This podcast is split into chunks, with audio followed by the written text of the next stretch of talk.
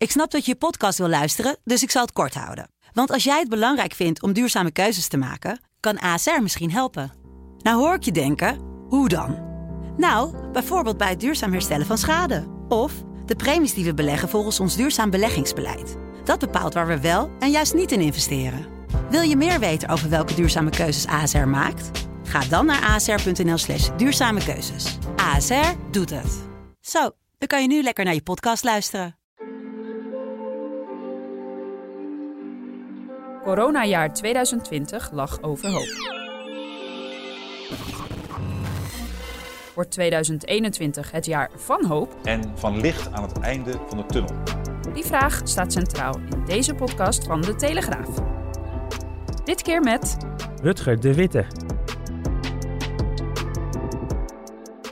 11 januari 2021. Mijn naam is Cameron Oela en in deze podcast blikken we dagelijks dus vooruit met een gast op 2021. En we kijken ook altijd even terug op 2020. U bent het inmiddels wel van ons gewend. In deze aflevering Rutger de Witte, eigenaar van Wijnbar Klos in Amsterdam. Rutger, goeiedag. Goeiedag. Ja, laat ik beginnen met, een, uh, met, met de vraag te stellen. Het is nu dus uh, begin januari 2021. Stel, ik had jou precies een jaar geleden gesproken, januari 2020. Waar was je toen mee bezig? Hoe zag jouw leven eruit?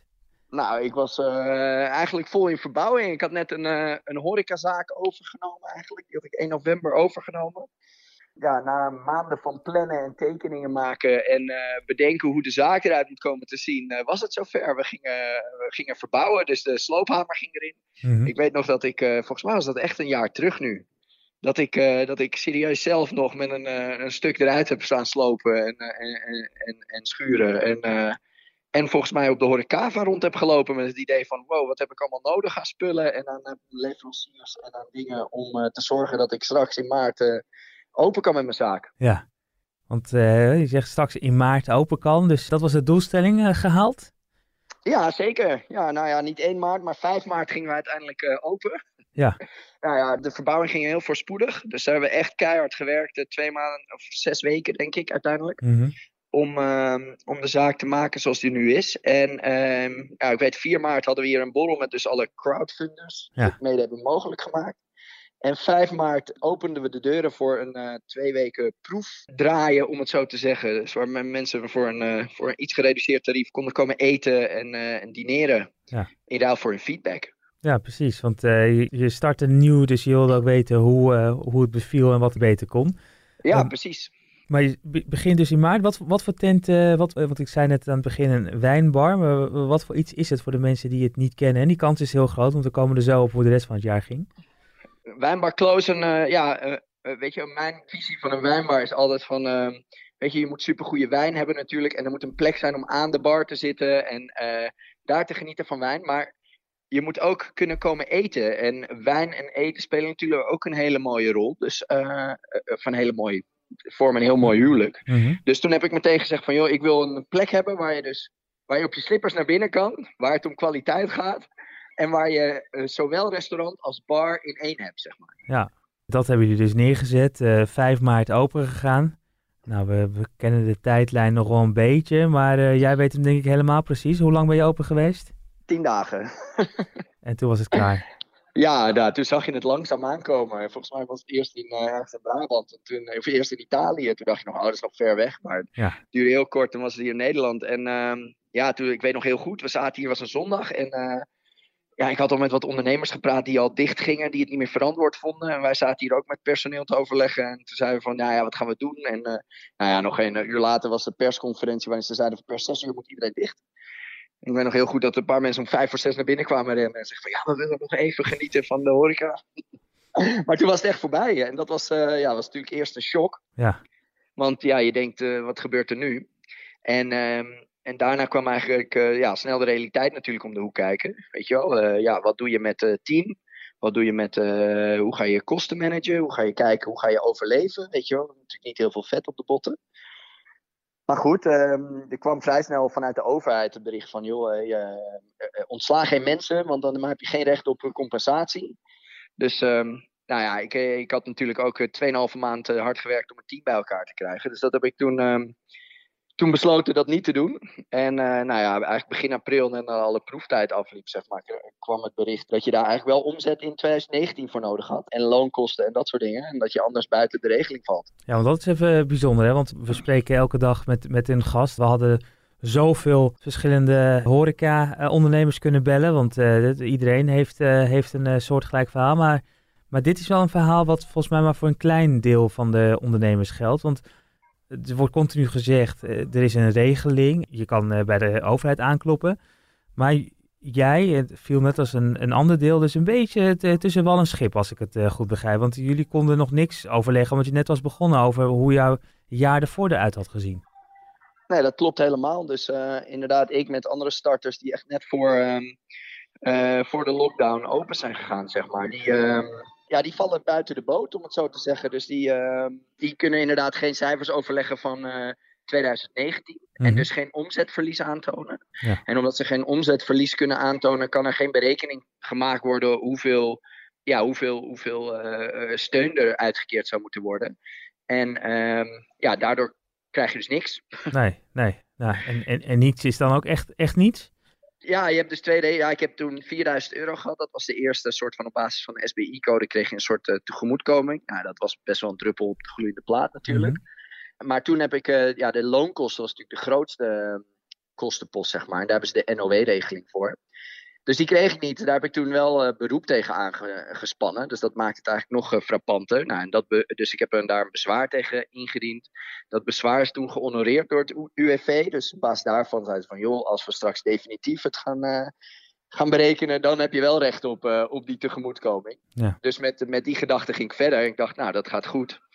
Alleen kwam oktober ja, meteen bellen en kijken hoe, hoe ik daar aanspraak op maak. Maar toen, ja, toen toen kwam ik echt in een soort de bureaucratie van het UWV terecht. En uh, werd ik pas negen weken later, dus eigenlijk begin december, teruggebeld dat ik helemaal geen recht ergens op zou hebben. Nu ben je ondernemer, hè? Want dat is, uh, ja. dat, dat, dat, dat, is wat je ook vertelt. En je hart gaat er snel van kloppen. Dit deel van ondernemerschap had je waarschijnlijk uh, niet voor ogen gehad. Nee, nee, dit is sowieso dit, dit stuk. Ja, nee, nee, nee, inderdaad.